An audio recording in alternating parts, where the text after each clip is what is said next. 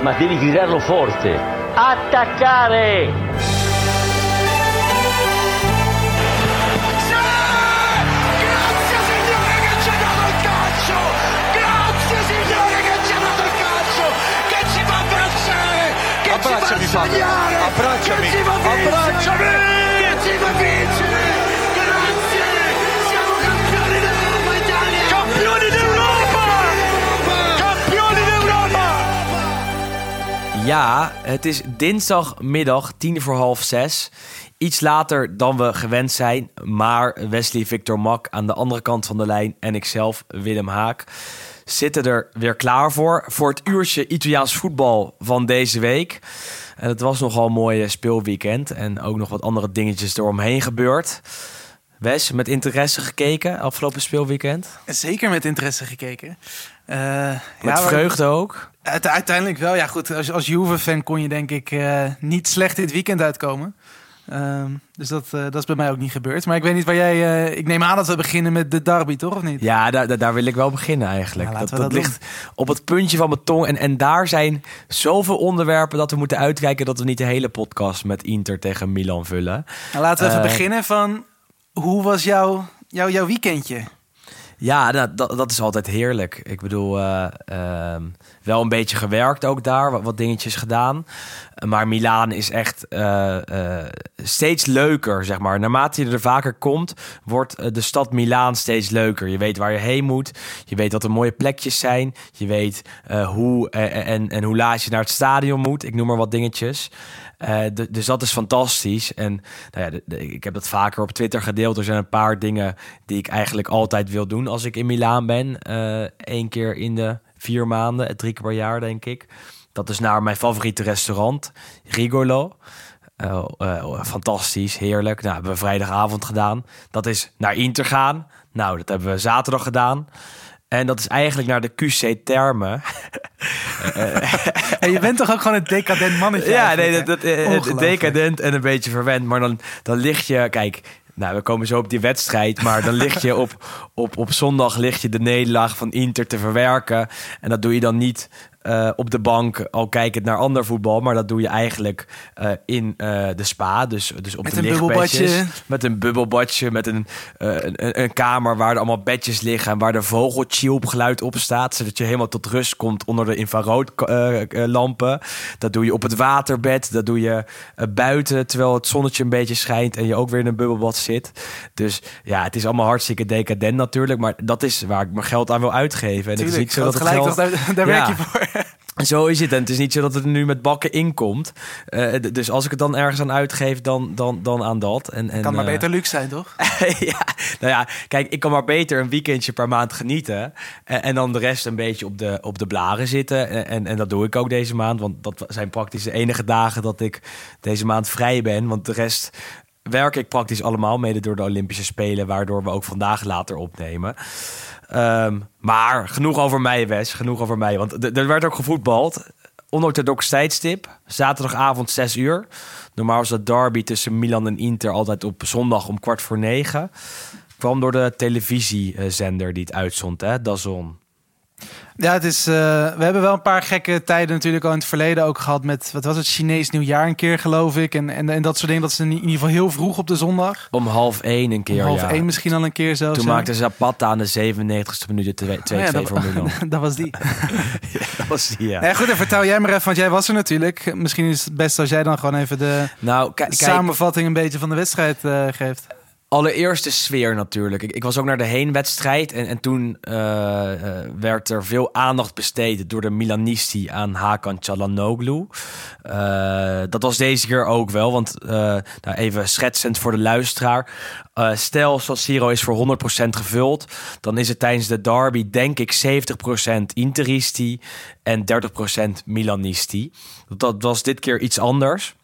Eh, de Italiaanse stadions zijn voor 50% gevuld, voorlopig nog.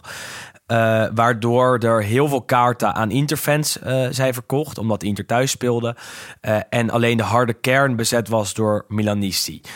Door de thuisvakken heen had je daardoor minder Milan-fans.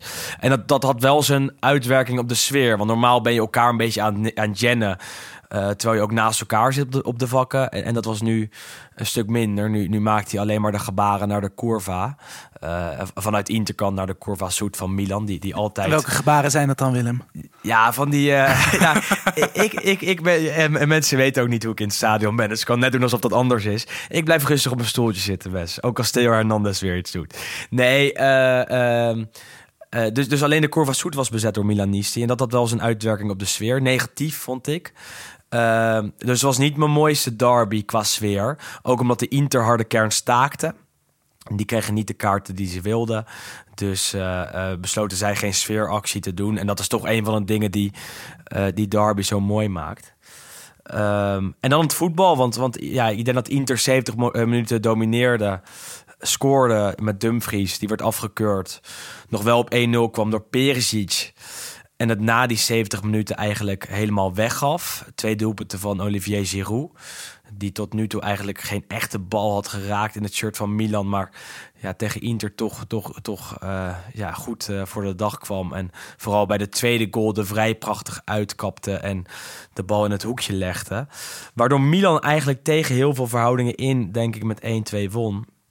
Ja, en, en tijdens die, uh, die derby, gewonnen door Milan, dus super belangrijk in de strijd om de Scudetto, gebeurde er nogal wat dingen, Wes. Want, want ja, het was wel een lading uh, wat, wat, waar we het over kunnen hebben. Uh, ja, waar wil je beginnen? Het was vooral natuurlijk laatste, ja, ja net voor het laatste, fluitsignaal. Toen ja, schoot gevoelsmatig in ieder geval vanaf mijn Amsterdamse bank de vlam een beetje in de pan. Toen met die tackle van, uh, van Theo achterop uh, Dumfries. Ja. En goed, daarna gebeurde natuurlijk nog veel meer. Maar het zat er wel al een tijdje aan te komen, denk ik. Want uh, kijk, ik, ik heb getweet dat ik Theo Hernandez, de Milan linksback... en de scheidsrechter de, de meest irritante mannen van het veld vond. Ik, snap dat heel veel mensen dat iets anders zien. En ook Barella, Skriniar, Dumfries... en wat andere namen daar aan toe zouden voegen. Maar uh, uh, de scheidsrechter had het vanaf moment 1 niet in de hand, als we daar even beginnen. Want die, die floot echt uh, heel slecht. Nou ja, maar goed, dat is natuurlijk ook wel een klein beetje ja, ingecalculeerd, denk ik toch tegenwoordig. Dat je de scheidsrechter niet. ja, ja. Niet, kijk, het, het, ding is vooral, te, en dat is tenminste wat ik nu dit seizoen wat meer merk, misschien dan de vorige seizoenen, dat gewoon het niveau slecht is, maar wel beide kanten op. Dus je kan niet per se zeggen dat, dat Inter of Milan of bij andere wedstrijden dit weekend dat er echt één club wordt bevoordeeld. Het is gewoon eigenlijk alle kanten op gewoon heel matig. Maar dat, dat zeg ik ook niet. Ik, ik denk niet dat de Inter is benadeeld. Ik denk dat ook niet uh, over de tweede goal van Milan. Want dat was een voetbalcontact. Misschien een kleine overtreding, maar niet iets waar je dagen over moet doorgaan. Wat wel duidelijk was voor mij, is dat de scheidsrechter vanaf moment één... Uh, het ene moment wel floot voor de overtreding, voor, voor dezelfde overtreding. En dan een moment later dat niet deed. En, en, en dat zorgde voor veel irritatie, veel onduidelijkheid en veel duikelingen. Uh, allebei de kanten op ook. Maar daardoor kreeg je niet de wedstrijd die je wilde, denk ik. Uh, voetballend gezien uh, zie ik dan dat Theo Hernandez, wat, wat de beste linksback misschien wel van, van de Serie A is, daardoor ook steeds irritanter worden en ook steeds vaker vallen. Um, waardoor ik ook hem heel irritant vond. Dus dat werd een beetje in de kaart gespeeld door de scheidsrechter. Uh, los daarvan was uh, Inter denk ik wel echt voetballend een stuk beter. Los van scheidsrechterlijke beslissingen, los van irritante voetballers aan beide kanten. Denk ik dat Brozovic misschien wel de man van het veld was, hè? de eerste 70 minuten. Ja, wat je zegt, inderdaad, de eerste 70 minuten was Inter echt heer en meester. En ik had ook echt totaal niet het gevoel dat er überhaupt iets ja, voor hen nog verkeerd zou kunnen gaan. Want het was eigenlijk vanaf nou, praktisch minuut 1 was het Inter dat uh, ten strijde trok en ook gewoon ja, heel, heel verzorgd en, en, overtuigend speelde. En het was echt, zeker in de eerste helft, was het ja, voor 99% te danken aan Menjan dat het niet uh, 4-0 stond, denk ik, bij rust. Want natuurlijk de afgekeurde goal van Dumfries. Daarna nog een gigakans van hem. Ja. Uh, Menjal zat iedere keer zat hij er gewoon goed bij. Um, Al vond ik dat ook een beetje overdreven hoor. Ik denk 4-0 dat dat misschien uh, aan ja, dat was misschien net, net, dat was misschien net iets te veel. Maar goed, 2 of 3-0 was echt niet gek geweest, denk ik, mm -hmm. bij mhm. rust. En goed, en wat jij zegt eigenlijk, tot de 70ste minuut was er praktisch niks aan de hand. En dan krijg je toch weer een klein beetje de, de beroemde, beruchte Simone Inzaghi-wissels. Ja. En uh, wat daar nu het idee achter is, volgens mij is een beetje zijn punt, en dat is ook gelijk het manco, wat hij heeft misschien als, uh, als trainer ja, in, in, zijn filosofie. Want hij haalt heel vaak de spelers eraf die eh, op een gele kaart staan of die nog tegen een schorsing aan kunnen lopen. Ja. Ehm, en dat was nu ook het geval. Was volgens mij Chalanoglu en Perisic die eruit gingen toen tegelijk. Zeker. Of in ieder geval binnen een hele korte periode, tijdsperiode. En Lautaro en Martinez En Lautaro was natuurlijk natuurlijk ook af. Ja. Ehm, en eigenlijk vanaf dat moment kreeg je een klein beetje het gevoel dat Milan dacht van... Nou, nu kunnen wij dan misschien nog even een keer. En letterlijk de eerste bal die ze toen kregen ging er via Giroud in. En toen was natuurlijk het geloof opeens helemaal terug. Hij wisselde zijn beste vijf spelers van dit seizoen. Denk ik. Ja. Ja, nou, en, en dan kan je verwachten dat er iets gebeurt. En, en ik noemde net wel de 70ste minuut als, eh, als grens, denk ik. Waarbij Milan eh, beter werd en, en dus ging scoren vanaf minuut 75. En daarna weer in de 78ste minuut. Maar je zag het al daarvoor een tijdje aankomen. Want Vanaf minuut 55 is Inter echt uh, die verdedigende lijn 10 meter naar achter gaan zetten. En, daardoor zag je steeds meer dat Milan, ook al creëerde ze geen kansen, langer de bal had, uh, verzorgder kon spelen, minder onder druk werd gezet. En dan groeien als team, mede door wat goede wissels aan Pioli-kant, aan Milan-kant, uh, er wel in. Want Brahim Diaz kwam er in minuut 60 ongeveer in. En die heeft die wedstrijd gekanteld, denk ik. Uh, kwam er in voor Cassie, die geen bal raakte. Diaz kwam erin, kon perfect zich tussen de linies bewegen. Had vaak de bal. Was belangrijk bij uh, alle goede aanvallen aan Milan kant. Dus wat dat betreft is, is hij... Uh, gezien het kantelpunt in de wedstrijd denk ik heel erg belangrijk geweest. En, vanaf het uur begon Milan echt aan te dringen. maar ja, echt verdiend was het niet, uh, die, die overwinning. Desalniettemin miste uh, Milan wel Ibra, miste ze Rebic, miste ze Kier, Tomori, geen minuten gemaakt.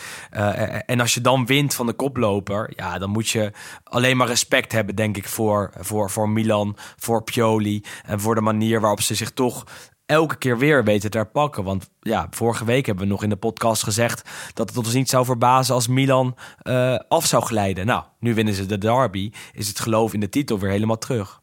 Ja, en dat, dat is echt wel heel bijzonder. Want wat, ja, wat je zegt, ik denk dat het echt geen gekke conclusie was. Wat we vorige week natuurlijk hebben gezegd. Dat eigenlijk zowel Milan als Napoli toch de topploegen, tenminste die nog allebei ook in de titelstrijd zitten. Uh, en die op de transfermarkt weinig hebben gedaan. Je, het is niet zo gek om dan te denken dat die terugzakken. Maar zo ja, goed, overtuigend was het niet. Maar als je wel inderdaad je wedstrijden blijft winnen, ondanks veel blessures. Uh, dat, ja, het, is natuurlijk wel gewoon heel interessant hoe lang ze dit vol gaan houden. Want ja, ik had totaal niet verwacht dat die überhaupt een resultaat zouden kunnen, kunnen behalen. En uiteindelijk winnen ze zelfs. Ik denk dat er maar drie goede spelers, drie spelers van Milan echt goed hebben gespeeld. Eigenlijk. Menja, natuurlijk. Uh, nou, misschien wel vijf, want de centrale verdedigers waren ook goed. Uh, die, die speelden de interspitsen er ook uit. Maar uh, Tonali, Tonali ja. was fantastisch en Giroud. Ja. Sessa. Eigenlijk wel, hè? Sessa nog op zijn mooie Frans. ja, ja, Olivier Giroud is helemaal geïncorporeerd hier al. ja, vooral, vooral, vooral doen natuurlijk na dit weekend. Want hij was wel een man. En dat, dat juichen was fantastisch, vond ik, onder de curva.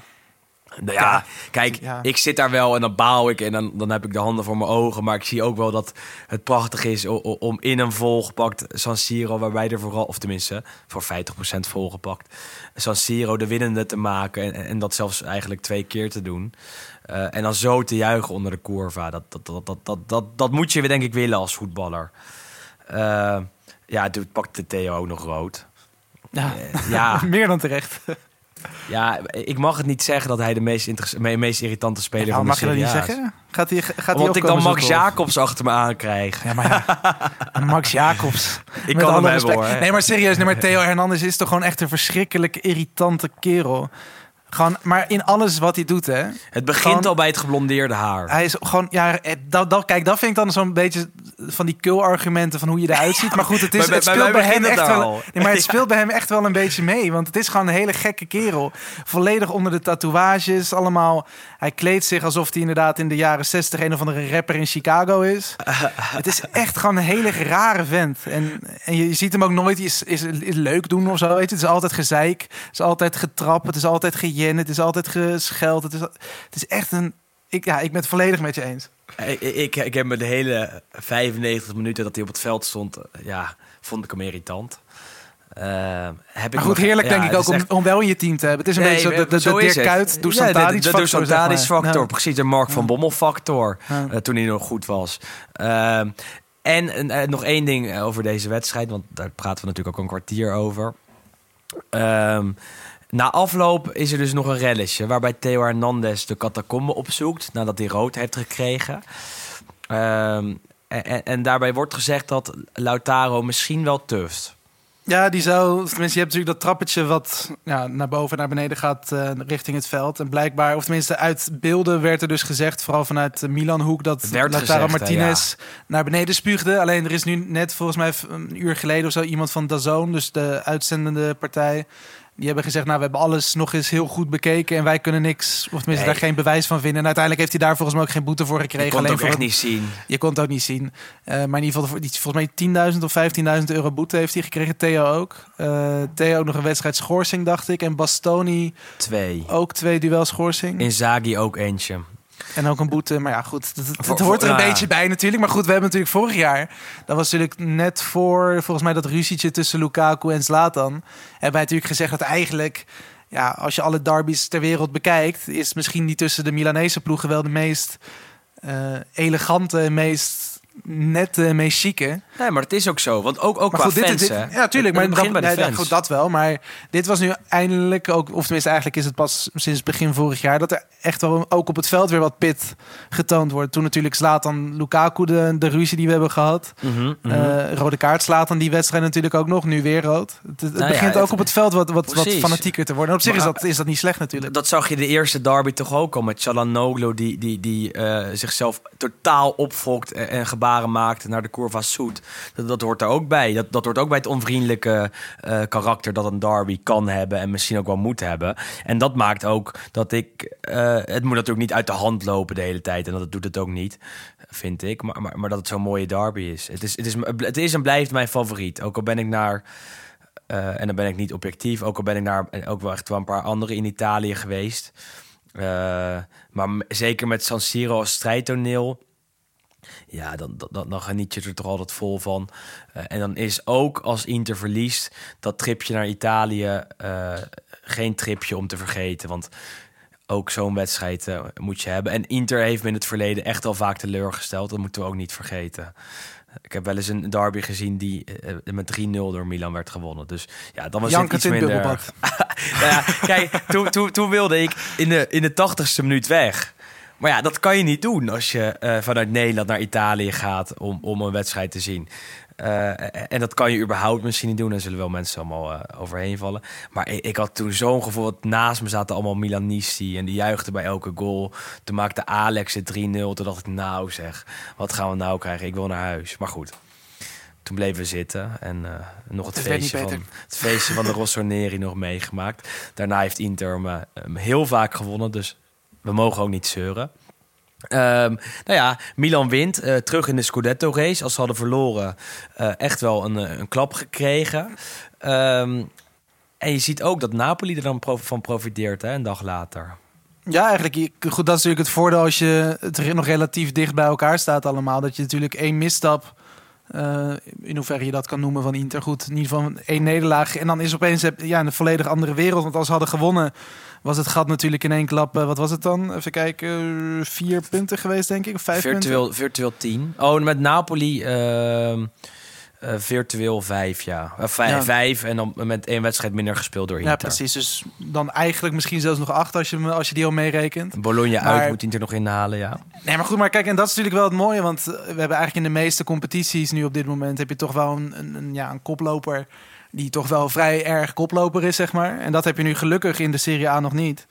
Um, en dat, daar, ja, daar helpt natuurlijk zo'n nederlaag van Inter helpt wel mee. En Napoli profiteert uh, in die zin dat ze nu, uh, ja goed, winnen uit bij Venetië is misschien niet de, de allergrootste prestatie, maar uiteindelijk het gaat wel om die punten. En het is nog steeds heel knap dat Napoli zelfs nog boven Milan staat.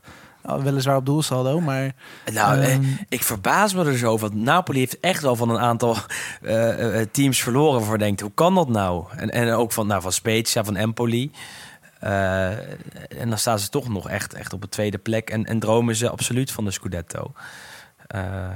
nou ja, voelt toch een beetje verbazingwekkend. Ja, nee, maar dat, dat, is het inderdaad. Want we hebben eigenlijk het hele seizoen vooral natuurlijk over Inter gepraat... maar ook als Milan uh, over Milan vooral als grootste uitdager misschien wel. Um, en wat, ja, wat ik net zeg, natuurlijk ook bij Napoli heel weinig gebeurt op die transfermarkt. Speelde nu natuurlijk ook opeens, komt Patanje daar weer in. Ik, oh ja, die is er ook nog. Uh, dat zegt natuurlijk ook wel wat over de... Ja, uh, misschien ook wel juist kwaliteiten van iemand als een, uh, als een Spalletti natuurlijk als trainer. En een Pioli bij, bij Milan. Dat hij ook van juist van misschien niet de absolute top...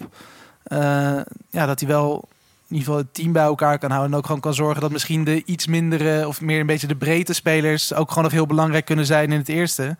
Mm want in dit geval natuurlijk met zijn invalbeurt. Uh, Petanja, die komt volgens mij een minuut voor tijd komt hij erin. En uiteindelijk, nou goed, ze ging ook door tot de honderdste. Dus dat helpt natuurlijk ook wel mee. Maar echt wel een paar keer Uiteindelijk scoort hij nog een keer. Nou. Ja, ook al tegen Sampdoria eerder dit seizoen belangrijk geweest. En hij, staat er wel vaak. En, en, en uh, is gewoon een spits waar je wel een beetje op kan rekenen tegenwoordig. Um, Oké, we, hebben Inter op 53 punten, Napoli op 52 en Milan ook op 52. Die hebben allebei een wedstrijd minder gespeeld, of meer gespeeld, sorry, dan Inter. Ja, we, kunnen het wel elke week doen, maar eh, heeft dit echt een, uh, een, voor een shift verzorgd in de, in de Serie A? Voor een moment waarop je zegt, dit kan wel een kantelmoment zijn? Nee, ja, dat denk ik niet. Ik denk wel dat ik denk als Inter had gewonnen, dan was het gevoelsmatig wat meer klaar geweest. Tussen aanhalingstekens. Want goed, je speelt nog 14 wedstrijden, geloof ik. En Inter, Atalanta nog 15. Dus het is nog sowieso niet klaar. Maar dat was misschien iets heftiger geweest dan nu. Want het is nu eigenlijk dichter bij elkaar gekomen. Maar goed, als je inderdaad bedenkt dat Inter nog een wedstrijd in mag halen. Dan is eigenlijk dat verschil, wat nu weer een klein beetje is teruggebracht. Dat is tegen die tijd waarschijnlijk alweer terug. Dus ik denk niet dat het een kantelmoment is, maar ik denk vooral dat dit voor Milan en Napoli misschien het punt is waarop ze zeggen van nou goed, we zijn nu zo dichtbij weer bij de koploper. Misschien dat dat voor wat extra motivatie zorgt. En misschien juist aan Inter kan natuurlijk uh, toch weer een klein beetje met, uh, met de voetjes op de grond. Nou, die, want die waren volgens mij natuurlijk ook 19 wedstrijden ongeslagen, geloof ik. Hè? Dus... En aankomend weekend, hè? Napoli-Inter. Dus ja, dat, dat is ook weer een wedstrijd uh, die, beslissend kan zijn uiteindelijk. Uiteindelijk zijn ze allemaal beslissend. Maar voor de uh, shift die, die wordt gecreëerd op dit moment... Door de overwinning van Milan... Ja, kan dat ook een wedstrijd zijn waar dat wordt, wordt, wordt vervolgd. Het zou echt niet raar zijn hoor, als Napoli thuis wint van Inter. En dan heb je echt een pop aan het dansen bij, uh, bij de Nerazzurri. Dus wat dat betreft is mijn fatalistische instelling alweer helemaal terug. Gelukkig. ik, ik, begon al een beetje arrogant te worden. Nou ja, met, met beide benen weer, uh, weer op de grond. Um, en bij Juve dromen ze langzamerhand ook weer een beetje van de titel. Ja, nee, klopt. Goed, dat gaat natuurlijk wel heel, uh, heel snel. Ze zijn nu in ieder geval heel eventjes over Atalanta heen gesprongen. Die ja, eigenlijk uh, heel verrassend, of nou ja, verrassend kun je het niet meer noemen, tegen angstgekner Cagliari in eigen huis verloren. Um, Atalanta Fantastisch, was, Atalanta was echt slecht, vond ik ook. um, Cagliari ja. met zeven verdedigers. Volgens mij zelfs meer. Ik denk, ja. als je, ja, ik denk acht verdedigers misschien zelfs wel, want ze stonden de enige aanvallende spelers volgens mij waren, uh, wat was het, Ras van Marien stond erop.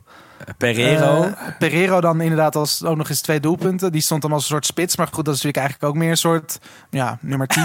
en ik, ik heb hier een opstelling... Alberto Grassi, geloof ik. En dat, uh, ja, goed. En de rest zijn eigenlijk allemaal van, van origine zijn dat gewoon linksbacks en rechtsbacks en centrale verdedigers. Dus ik heb hier een opstelling met Dalbert in de spits. Ja, ja. Dat, dat, is, dat is een linksachter. dat zegt toch genoeg. nee, maar het is, ja, en dat is bizar. Want ik, ik zag ook van uh, Giuseppe Pastore, dat is een Italiaanse statisticus. En die heeft dat op Twitter in het Italiaans. Helaas dus voor Nederlandstalige of Engelstalige volgers is het wat lastig volgen. Maar die heeft altijd hele mooie statistiekjes. Uh, die komen ieder weekend voorbij. Uh, en die had dus onder andere een hele mooie dat in de laatste vijf seizoenen Atalanta bijna 150 punten meer pakte dan Cagliari. Maar intussen wel vier van de vijf thuiswedstrijden met, uh, en met Cagliari verloor. En goed, dat is wel een hele ja, bizar ja, een bizar feitje natuurlijk. En, en zeker als je nu ziet dat Matsari natuurlijk weer het laatste paar minuten van de wedstrijd op die klok staat te rammen op zijn pols. dat Gaston Pereiro of all people dan de held is die, uh, die Atalanta de das om doet. Ja, het is, het is, prachtig. Kan je boven de streep. Ja, en ook daar dus onderin gaat natuurlijk, uh, ja, wordt het spannender en spannender. Venetië nu dus gezakt. Een paar moeilijke wedstrijden gehad. Hebben die ook nog wel een wedstrijd te goed. Dus die kunnen dan weer over Cagliari heen wippen als, als die nog ingehaald moet, moet worden. Um, ja, het is het, aan alle kanten. Ik denk zowel boven als onderin is het nog, uh, nog vrij spannend. Dus, uh... En als we dan even bij boven blijven steken, want uh, we werken langzaam van boven naar beneden. net zoals. ja, ehm, net zoals. Mark Overmars. Mark Overmars. nee, dat gaan we niet doen. nee, precies. Doen. Maar. Um, Oké, okay. een misplaatst grapje, sorry daarvoor. Ehm, Juventus is ondertussen dus over Atalanta heen. Ze staan nog wel acht punten achter Inter. In theorie mogelijk dus zelfs elf, want we hebben ook die wedstrijd meer gespeeld. Wint afgelopen weekend met 2-0 van Verona. Zo over de wedstrijd, maar eerst over de stand. Want ja, die titel, kan het weer? Nee, ja, niet. Kijk, en dat is natuurlijk ook wat het, het mooie en tegelijkertijd het beetje het, het, ja, het rare aan de Italiaanse voetbaljournalistiek. En dan heb je natuurlijk vooral Tuttosport, de, de Turijnse sportkrant. Ja, de afvalkrant. de, ja, toch een beetje de afvalkrant. En die, die koppen dan inderdaad. Ik weet niet wat, wat nu de titel was. Volgens mij uh, Juve. Nou, ik weet niet eens. Ik ga, ik ga, ik ga geen poging wagen. Maar nee. uh, die bekwamen inderdaad al gelijk weer terug. Uh, Juve, uh, Ritorna in Lotta Scudetto. Dus die zijn weer terug in de titelrace. En ik ook van ja, we hebben tot vorige week was het volgens mij grafstemming. En terecht. Ja, ja, ja, ja Niemand ja. kon er wat van. Er was geen, er was geen, ja, geen moment waarvan ook. je dacht van het is leuk. Uh, of dat er in ieder geval iets van potentie in zat. En dan nu opeens win je één keer. Mede dankzij je aankopen. En dan zou het opeens weer Hosanna-stemming zijn. Kijk, het is mooi. Maar die gaan natuurlijk lange, ja, die gaan echt geen kampioen worden. Je moet gewoon zorgen dat je die top 4 haalt. Wat wij vorige week eigenlijk hadden gezegd. Je moet, ja. die, je moet die, dat Champions League geld moet binnen zijn. En dan kun je volgend jaar kun je inderdaad weer dan wel hopelijk aanhaken met uh, ja, in die titelrace. Maar ik denk, ja. Maar hoe het mooi moet is wel het? Heel, het moet wel heel raar lopen mocht die hoeven nog dichterbij gaan komen. Hoe mooi is het dat Vlaovic gelijk scoort? Ja, top. Toch? Dat is toch fantastisch? Ik bedoel, uh, dit is gewoon een, een, een gast van, van, van 21, 22. Die wordt voor 75 miljoen uh, gehaald van Fiorentina.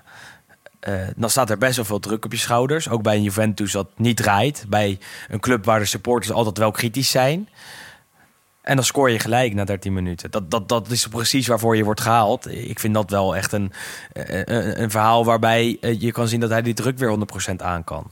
Ja, dat, we hebben vorige week natuurlijk een klein beetje ook gehad over wat, wat zijn jeugdtrainers vroeger zeiden bij Servië. Of in, in Servië bij Partizan.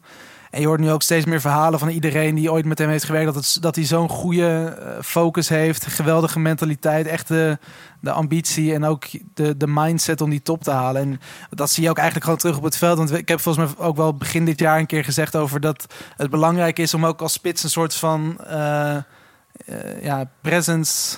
Uh, te, ja, te hebben. Zeg maar wat, wat je bijvoorbeeld ook ziet bij Zlatan als die Mhm. in de spits staat, dat, dat straalt wat uit. En je hebt bij Haaland, waar natuurlijk ook echt zo'n Ja. soort van ja, radiance. Er zit zo'n soort aura omheen van ik ben gewoon echt een fantastische spits.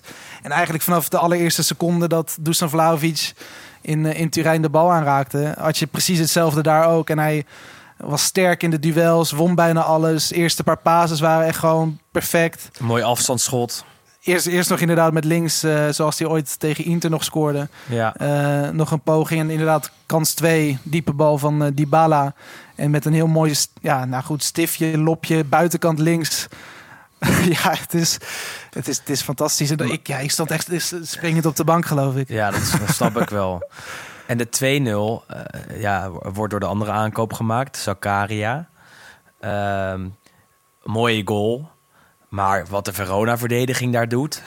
Ja, goed, eigenlijk, het, het, het, was niet... Kijk, je denkt nu, Hosanna-stemming, waarom speelde Juve zo goed? Eigenlijk speelt ze nog steeds niet goed. Uh, alleen je hebt nu wel het voordeel dat er iets meer... Uh, ja, goed, dat is misschien die, die het voordeel. kwaliteit toch ook en diep Er staat gewoon meer kwaliteit op het veld, dat één. En het feit is denk ik ook dat als je met gewoon een goede spits hebt... in dit geval Dusan Vlaovic die een bal vast kan houden... kun je ook veel makkelijker daaromheen voetballen. Want hij goede spelers maken een team ook gewoon beter. Um, en je zag nu vooral, juist omdat natuurlijk Vlaovic dan in de spits moest starten, dat Morata een beetje aan het zwerven was. En dat doet hij eigenlijk best wel goed dit seizoen. Mm-hmm. Ik vind hem eigenlijk op, op linksbuiten of rechtsbuiten, waar hij ook wel een paar keer terecht is gekomen, vind ik hem gevaarlijker ogen dan, uh, dan in de spits. Want het is natuurlijk niet echt een afmaker puur zang. Um, en hij zorgde er inderdaad voor in de tweede helft. Een mooi paasje. En rechts ging uh, Danny Zakaria ging helemaal... Ja, die, die dacht ik loop maar gewoon. En dat is ook wat we hadden gehoord natuurlijk vanuit de Bundesliga. Dat het iemand is die gewoon graag afstanden aflegt. En ook af en toe wel eens voor, het goal, voor de goal komt.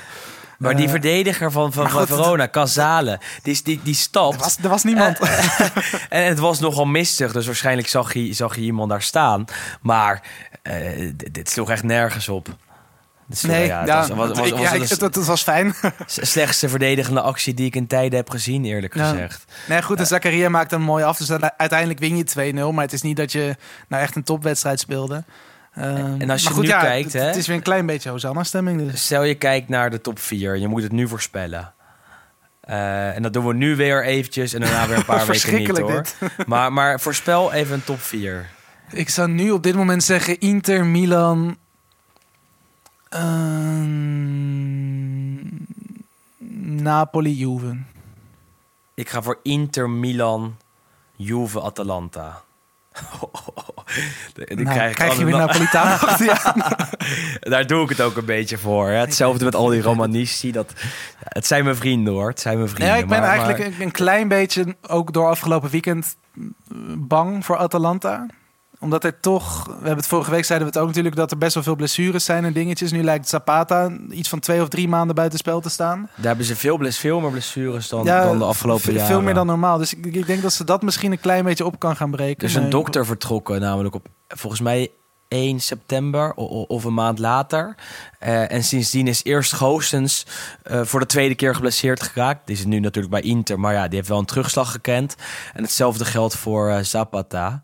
Ehm, die die eh, er weer een paar weken, misschien zelfs langer uit ligt. En ja, dat is toch wel een flinke tegenvaller. Want ja, dan hebben ze alleen maar Muriel nog over als, als spits. Dus ja, eh, misschien heb je wel gelijk hoor. Dan, dan is het veiliger om Atalanta op 5 te zetten. Eh, Ik hoorde trouwens vandaag, ik hoorde trouwens vandaag dat ze eventueel bezig zouden zijn om te kijken. Dus dat is natuurlijk al heel vaag allemaal. om Graziano Pelle, want die is toch transfervrij, om die nog eh, op te pikken. Dat zou natuurlijk wel een leuke zijn. schitterend zijn. Jammer dat Jovinko net naar Sampdoria lijkt te gaan. Ehm, ik denk, ehm, over Sampdoria gesproken, dat we naar de column van Juriaan van Wessem gaan. En daarna gaan we even naar de andere potjes kijken. Is dat een goed plan, Wes? Ik, ik vind het prima. Dat Lijkt gaan we doen. Uitstekend. Juriaan, bodem is van jou.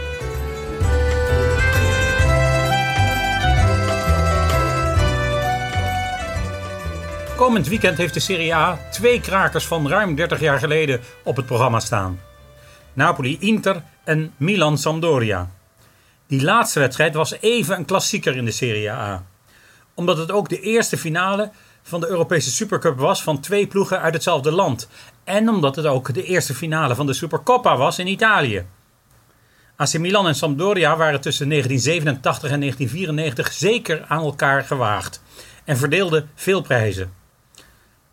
Natuurlijk zijn de verhoudingen nu anders en heeft Milan na de winst in de derby de wind in de zeilen. Toch is het wel even leuk om stil te staan bij Sampdoria en dan vooral bij de nieuwe voorzitter van die club. Want dat is iemand die dat tijdperk als speler heeft meegemaakt. Marco Lanna. Het gebeurt niet zo vaak dat een oud speler voorzitter wordt van de voetbalclub waar hij ook heeft gespeeld. Antonio Percassi is tegenwoordig het grote voorbeeld. En natuurlijk waren er in het verleden ook Giampiero Boniperti en Giacinto Facchetti. Marco Lanna hoort eigenlijk helemaal niet in die categorie. Want hij is zeker geen zeer bekende speler, maar toch zeker wel een oud international onder bondscoach Arrigo Sacchi. Hij was een jeugdspeler van Sampdoria als kind uit Genua en ontwikkelde zich in de jaren 80 tot een gewaardeerde jeugdspeler die onder trainer Vuzadin Boskov doordrong tot de A-selectie. En ook nog net op het moment dat Sampdoria begon door te breken aan de top mee ging doen met het eerste team. Hij heeft de meeste successen meegemaakt, aanvankelijk als reserve of als vaste vervanger van de vaak geblesseerde aanvoerder en libero Luca Pellegrini. Maar na het winnen van de Scudetto kreeg hij een echte basisplaats en maakte hij volledig deel uit van de vriendengroep van Sampdoria. In 1993 vertrok hij naar AS Roma en vier jaar later verhuisde hij naar Spanje om bij Salamanca en Zaragoza nog een leuk staartje aan zijn loopbaan te geven. Bij die laatste club won hij zelfs ook nog de Copa del Rey. Marco Lanna werd even technisch directeur bij Piacenza na zijn actieve loopbaan, maar slaagde vooral maatschappelijk als directeur van een makelaarskantoor in Genua. Een paar jaar geleden was hij een van de initiatiefnemers voor de reunies eh, van de oude kampioensploeg toen bekend werd dat Vialli sukkelde met zijn gezondheid. Lanna was de jongste van het stel en natuurlijk werd er in die jaren met afschuw gesproken over de Romeinse paljas die als voorzitter de geliefde voetbalclub wel erg liet verslonzen.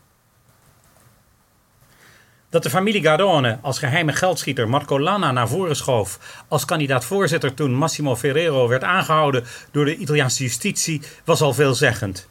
Twee weken later werd hij al presidente. Hij moet nu voor rust zorgen, zoals hij dat ook als vrije verdediger altijd deed als zijn ploeg opeens onder druk kwam te staan.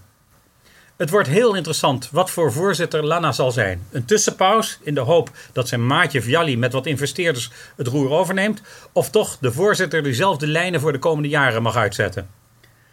De eerste taak is om Sampdoria voor de Serie A te behouden. En dat kan nog zeer lastig worden, omdat dit jaar immers eindigt met een dubbel tellend getal. Oftewel 22 na 66, 77, 99 en 11. Al duiden de eerste beslissingen van hem op veel daadkracht.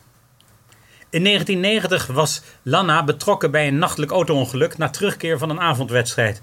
Nadat hij in die nacht uit zijn spelersbus zijn vriendin had betrapt met een ander. En het dus ook meteen uitmaakte, die nacht nog. Hij vloog daarna iets te hard uit de bocht op weg naar huis. Maar het was wel vijf uur s'nachts. Door een wonder had hij alleen maar schaafwonden aan zijn hoofd. Meldde zich de volgende ochtend met een stevige bandage op de training. Trainer Boskov was not amused en had geen troostende woorden voor de speler. Die ochtend werd de officiële teamfoto van het elftal gemaakt. En Lanna moest van Boskov het verband van zijn hoofd halen. Natuurlijk werd hij door iedereen in de maling genomen. Lanna staat op de foto met een vreemd hoofd. Want dat is gefotoshopt met de normen van die tijd. En dus toch heel duidelijk zichtbaar als niet het echte hoofd. Dan zullen we altijd blijven herinneren dat je zo stom was om vannacht over de kop te gaan, riep Boskov hem nog na. Vanuit de hemel zal de Servische coach met instemming hebben kennis genomen van het feit dat Lana nu de voorzitter is geworden van de club die hij zo mooi het meisje noemde.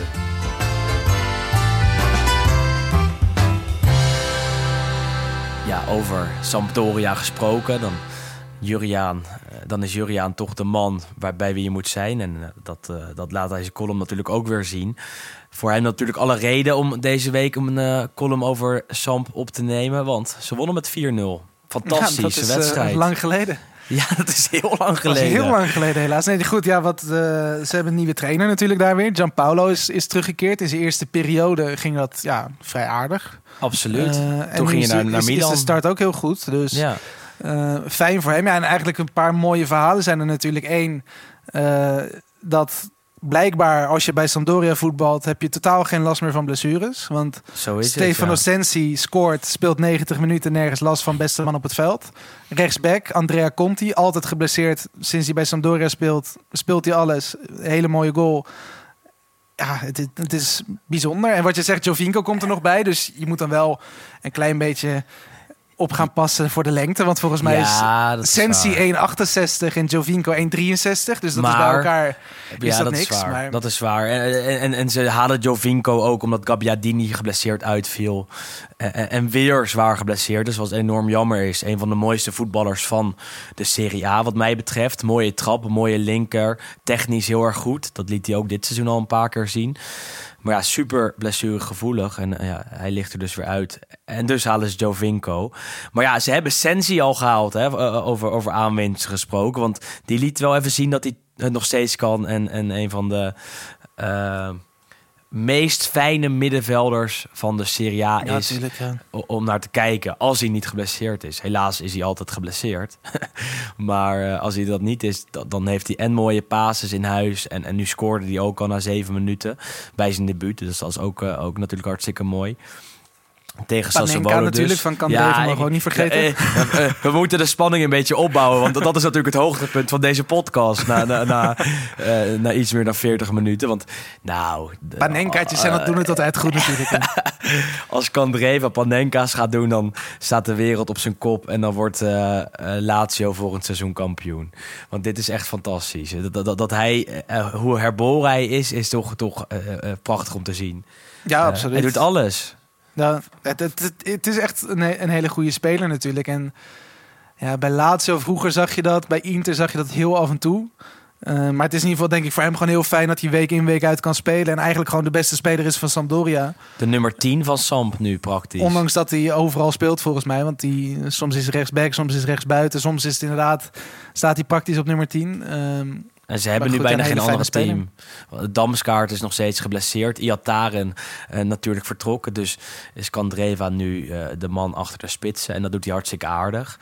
Ehm nou ja, Sassuolo verloor weer een keer. Ook van een uh, laag geclasseerd team.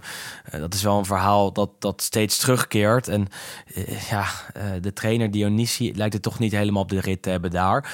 Voor, voor een andere podcast, volgende week misschien wel. Ehm, Roma Genoa, zaterdag eh, om drie uur. Eindigde in 0-0. Dit tot woede bij de Romanisti, want Zaniolo maakte in de blessuretijd nog de 1-0. De winnende leek het. Trok zijn shirt al uit om het doelpunt te vieren. Doelpunt werd afgekeurd. Zaniolo eerst een gele kaart, ging toen nog helemaal door het lint. Pakte eh, rood. Einduitslag 0-0. Eh, Toch redelijk pijnlijk weer voor Mourinho, zou ik zeggen.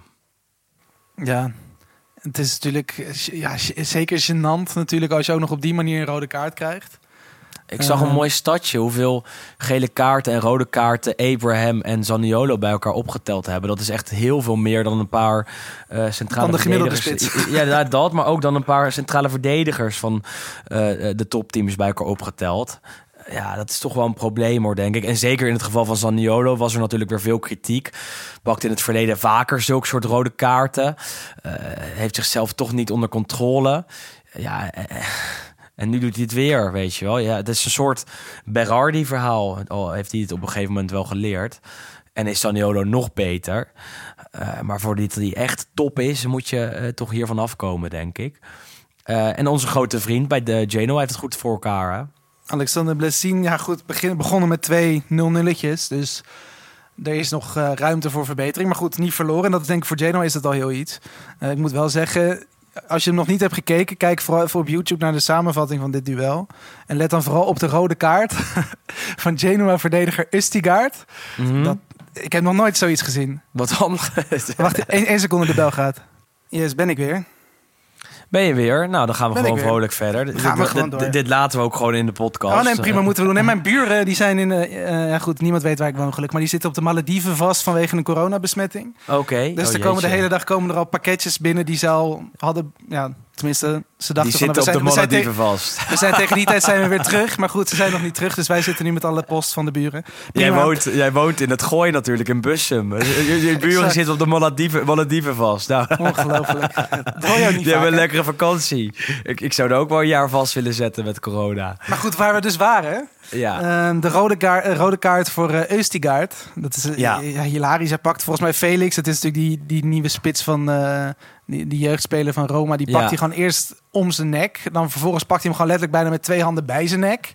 En dan geeft hij hem ook nog een soort judo-slinger. en dan staat hij met zijn handen van ik raak hem niet aan. Ja, ik vind dat echt hilarisch. Ik vond het echt een van de, een van de meest gênante momenten. Want de andere, want daar kunnen we dan nu ook gelijk mooi Absoluut. naar door. Dat was in, de topper tussen Udinese en Torino, die nergens over ging. Oh, ik wilde nog heel even, even zeggen de- ja, prima. bij, bij, bij Genoa dat eh, Montolivo eh, eh, de, een Duitse moeder blijkt te hebben. En dat hij opeens die Genoa-trainer interviewde. Mooi, ik zag dit zondagochtend verschijnen op, op, op een Twitter-tijdlijn. Eh, toen wist ik niet wat ik meemaakte. Dat, dat, nou, ik was vergeten eerlijk gezegd. Eh, ik, ik, ik, heb nog nooit Montolivo Duits horen spreken, denk ik. Niet in een filmpje. Eh, toen- Ja, het, klinkt, het klinkt echt heel erg goed, hè? Ja, het is Ja, wel denk ik een beetje Zuid-Duits. Want ik, tenminste, ik spreek ook Duits, maar ik ben vroeger opgegroeid in Zwitserland. Dus een beetje, het, Ah, leek, het ja. leek wat Zwitsers, maar het zal dan waarschijnlijk heel erg, heel erg, eh, heel erg Zuid-Duits zijn waarschijnlijk waar zijn moeder vandaan komt. Dat weet ik ook niet. Het is echt schitterend. Maar, maar goed, door naar de Maar topper. goed, het andere dat gênante moment. Kwam. Nee, ja, maar ja, ja. andere gênante moment, dat was ergens 60ste minuut bij eh Udinese Torino. Ja, de wedstrijd echt een beetje in de, in de middenmoot. Alessandro Buongiorno, verdediger met een, een van Oh, de mooiste namen eh, van de Italiaanse competitie. Eh, tenminste, hij had niet die wedstrijd geel gekregen, maar stond natuurlijk al op geel. Dus hij dacht, ik wil deze wedstrijd geel pakken, want dan mis ik volgende week Venetia. Nou goed, dat winnen we over het algemeen toch wel. Mhm. En dan ben ik gewoon vrij van een kaartenlast in de derby tegen, tegen Juventus. Dat is de, over twee wedstrijden. Maar blijkbaar was het dus niet in zijn hoofd opgekomen om gewoon het eerste uur dat hij op het veld stond een overtreding te maken en geel te pakken. Maar op het moment dat hij gewisseld werd, zag je opeens een belletje gaan rinkelen bij hem. Shit, vergeet de gele kaart te pakken. Dus wat doet die knul? Die trekt gewoon voordat hij ja, langs het veld of het, het veld afloopt, trekt hij vast zijn shirt uit. Ik denk van, nou goed, dan krijg ik ja. sowieso geel nu. De scheidsrechter ziet het, de scheidsrechter doet niks. Dan vraagt Bongiorno nog een keer met een gebaartje... hey, moet je mij geen geel geven? Ja. En de scheidsrechter doet nog steeds niks. En die laat hem gewoon lekker dat veld afwandelen. Dat is toch heerlijk? Fantastische scheidsrechter. echt, echt heel goed. We hebben Alles heel vaak kritiek op scheidsrechters... maar dit was echt perfect begrepen. Hadden ze in het verleden een paar keer bij Sergio Ramos moeten doen. Dat, dat, dat, deed hij in de arena nog, dacht ik. Tegen, Ja, ja. tegen Ajax. Toen wilde die Dolberg wilde die opfokken toen, geloof ik. En toen deed Xabi goed. Alonso hetzelfde, volgens mij, eh, in dezelfde wedstrijd. Toen wist, je, wist je niet wat je meemaakte. Want dat, daarvoor gebeurde dat niet zo vaak. Scheidsrechter Rapuano bij eh Udinese tegen Torino. Er zijn Grote veel nieuwe, veel nieuwe namen hebben En ze. veel jonkies. Ja, absoluut. Maar goed, en die wedstrijd zelf was inderdaad... het ging ook helemaal nergens over amper kansen. En uiteindelijk volgens mij in de negentigste minuut... Molina. tweede gele kaart voor Mandragora. Ja. Een beetje klunzig, maar goed, kon hij niet zo heel veel aan doen. Mhm. En de vrije trap ging er direct in. En een minuut later was het volgens mij 2-0. ja. Ehm, Molina wel een veel speler. aan. Nee, niet te veel. Maar Molina eh, hebben we vaker gezegd. Als hij ook al vrije trappen gaat nemen als, als rechtshalf, rechtsachter. Ja, dan, dan wordt hij Dat steeds meer speler, een, eh, een speler om in de gaten te houden.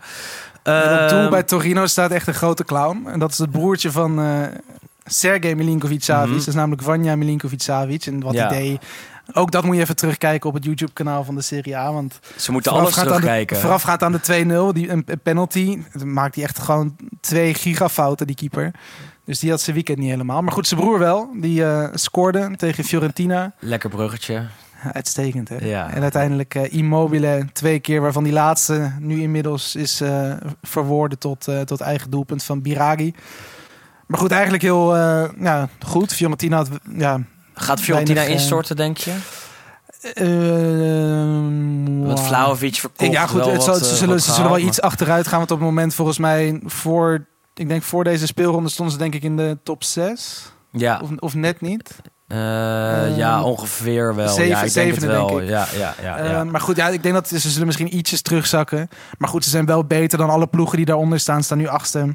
Nou ja, en ze zijn vooral beter dan de voorgaande jaren. En dat is ook zonder Vlaovic zo, denk ik. Ja, en ik ben wel Ehm. benieuwd naar die, naar die nieuwe spits natuurlijk. Naar eh, Arthur Cabral. Want eigenlijk zijn eerste...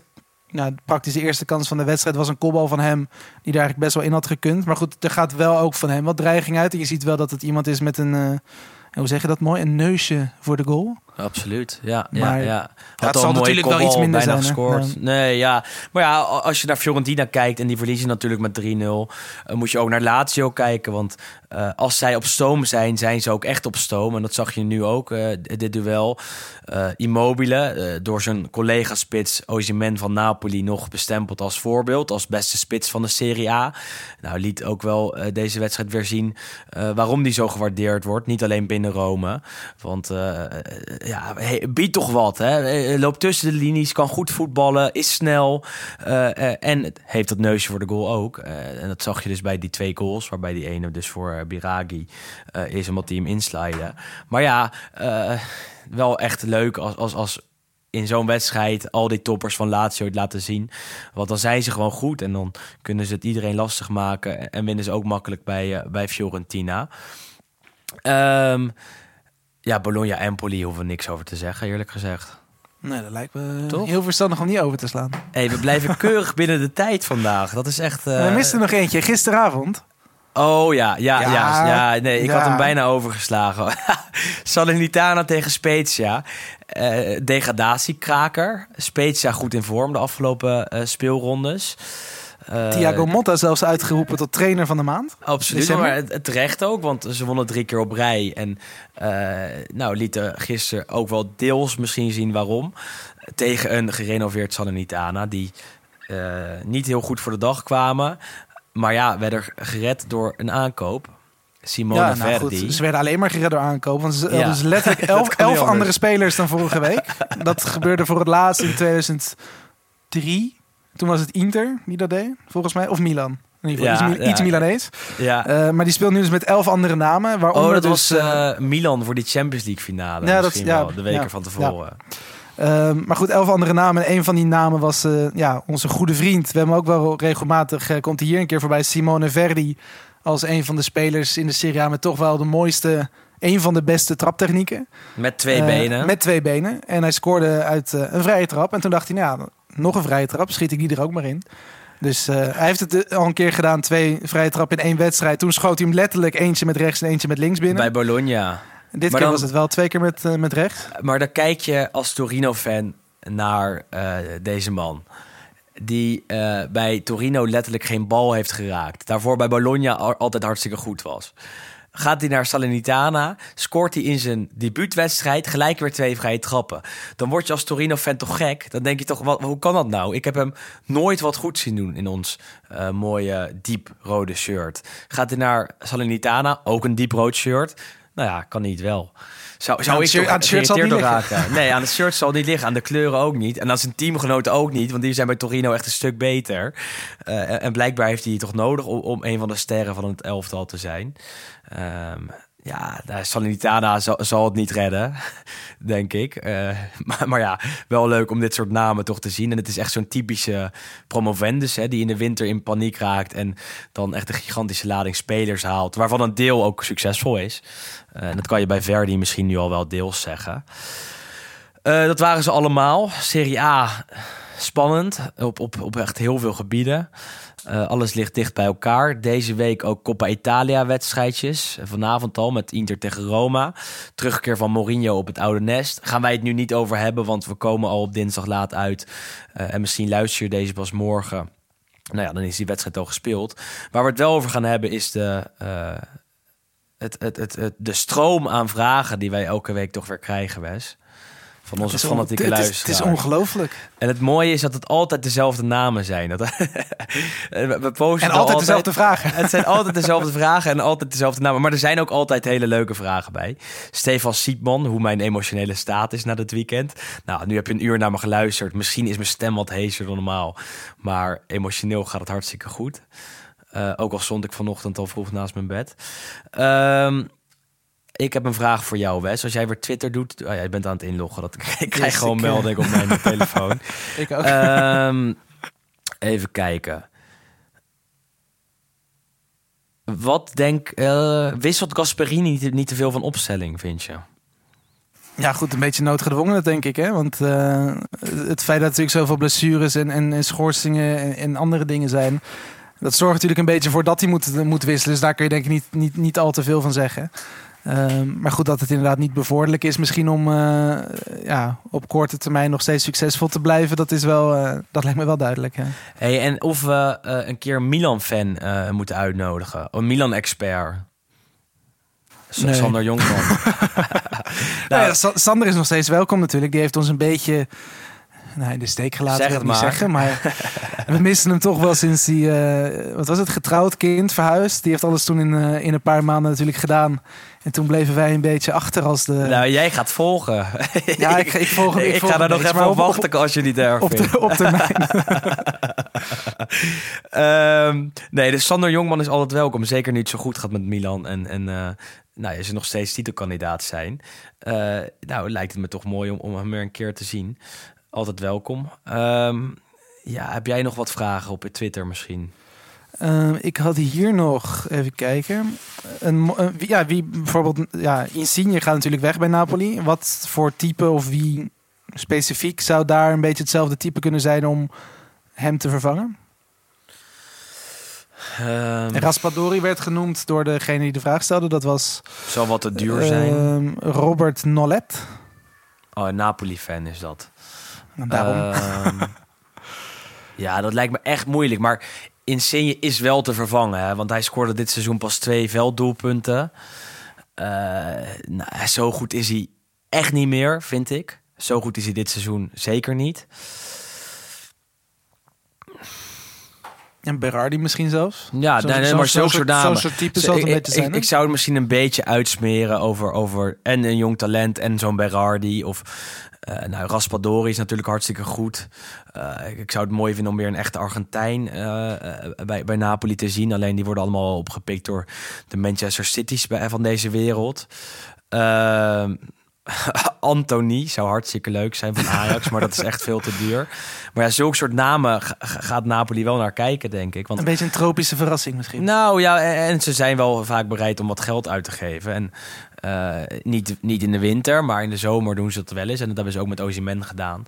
Eh, nou, stel je aanvoerder vertrekt, dan wil je die toch vervangen met iemand die eh, het ook hartstikke goed gaat doen over zijn algehele periode in Napels. Nou, dan moet je toch goed investeren, eerlijk gezegd. En, nou ja, Berardi zou ik leuk vinden in ieder geval. Ehm, nou ja, dat was hem voor deze week, Wes, denk ik. Ik of denk heb je nog een leuke vraag? Nou ja, nog een, nog een transfervraag. Maar goed, dat is een beetje overdreven nu, hè? Nee, dat... Wat, wij, wat wij vinden van de stap van Jaden Oosterwolde naar Parma. Nou, ja, dat is een leuke het, vraag. Het is, Nou, het is ja. wel leuk, vooral omdat hij daar natuurlijk met opaatjes gaat, gaat Met, samenspelen. en met Buffon, o- Ja, over opaatjes Buffon- gesproken. Buffon en. Pandev, die zitten daar. Ja, Dus dat is eh, voor hem denk ik vooral heel leuk. Ehm, voor ja, het oog op misschien ja. Nederlands elftal, waar hij natuurlijk even werd genoemd. Is dat misschien Ja, wat eh, ver onhandig om in de Serie B te gaan spelen. Maar goed, Nou ja, Ja. En we hebben, we hebben vorige week ook een, een niks gezegd over Denzo Casius. Die van, Vo- Casius, van ja. Volendam en Utrecht naar eh, Bologna is gegaan. Voor 3 miljoen euro. Eh, dus bij deze hebben die ook even genoemd. ja, dat was, die, had nog wel, die had nog wel een mooie quote trouwens. Die zei, ik kende Sinisa Mihailovic niet. Nou, dat... Dan vind ik dat je eh, eigenlijk gewoon weer je contract mag inleveren. voor, voor, de, voor, de, voor de straf een, eh, een uurtje vrij trappen nemen met Sinisa. Dan, dan herken je het hem wel, denk ik. En dan wat mooie YouTube-video's eh, gaan Oh, kijken. trouwens, toch even als we het toch over Mihailovic hebben. Want die is nog steeds natuurlijk de speler met de meeste doelpunten uit een vrije trap ooit in de Serie A. Eh Pirlo staat tweede, geloof ik. Pjanic derde, als ik me niet vergis. Ehm, maar Simone Verdi, die we dus net even hebben benoemd, die staat, dat is van alle actieve spelers, staat hij nu eh, eerste. Eh, die is eh, Mario Balotelli voorbij oh gegaan. joh. Want En- Balotelli en, staat op 8 en Verdi stond gisteren op 7 en nu op 9. Dus dat en is, Biragi komt er ook aan. die zal dan ook inderdaad dichtbij zitten met de actieve spelers. Van Fiorentina. scoorden laatst ook twee in één wedstrijd. Eh, dat was hem weer voor deze week. Eh, als je ons leuk vindt, eh, laat het vooral even weten via Instagram, Twitter en recenseer ons op iTunes of op Apple. Dat wordt altijd zeer gewaardeerd. Laat ook vooral weten wat je niet leuk vindt. Kan ook via de social media kanalen waarop je ons altijd goed kan bereiken. Zowel op het Lo Stadio account als op onze eigen accounts. op Twitter en op Instagram. Ehm, en dan zijn wij er gewoon weer volgende week. Eh, dank aan eh, iedereen die meewerkt aan deze podcast natuurlijk. Vooral aan jou, Wes. Hè, voor het Ja, en aan jou, Willem. serie. Ja, ja. nou, we worden toch een beetje emotioneel hè, dit, dit, dit, dit half jaar. Ongelooflijk. Ehm, maar eh, ja, en bedankt voor het luisteren. Bedankt aan jullie luisteraars. Ja, Tot volgende week. En dan blikken we weer terug op vast en zeker een hartstikke mooie Italiaanse voetbalweek. Tot dan. Perfect, tot de volgende.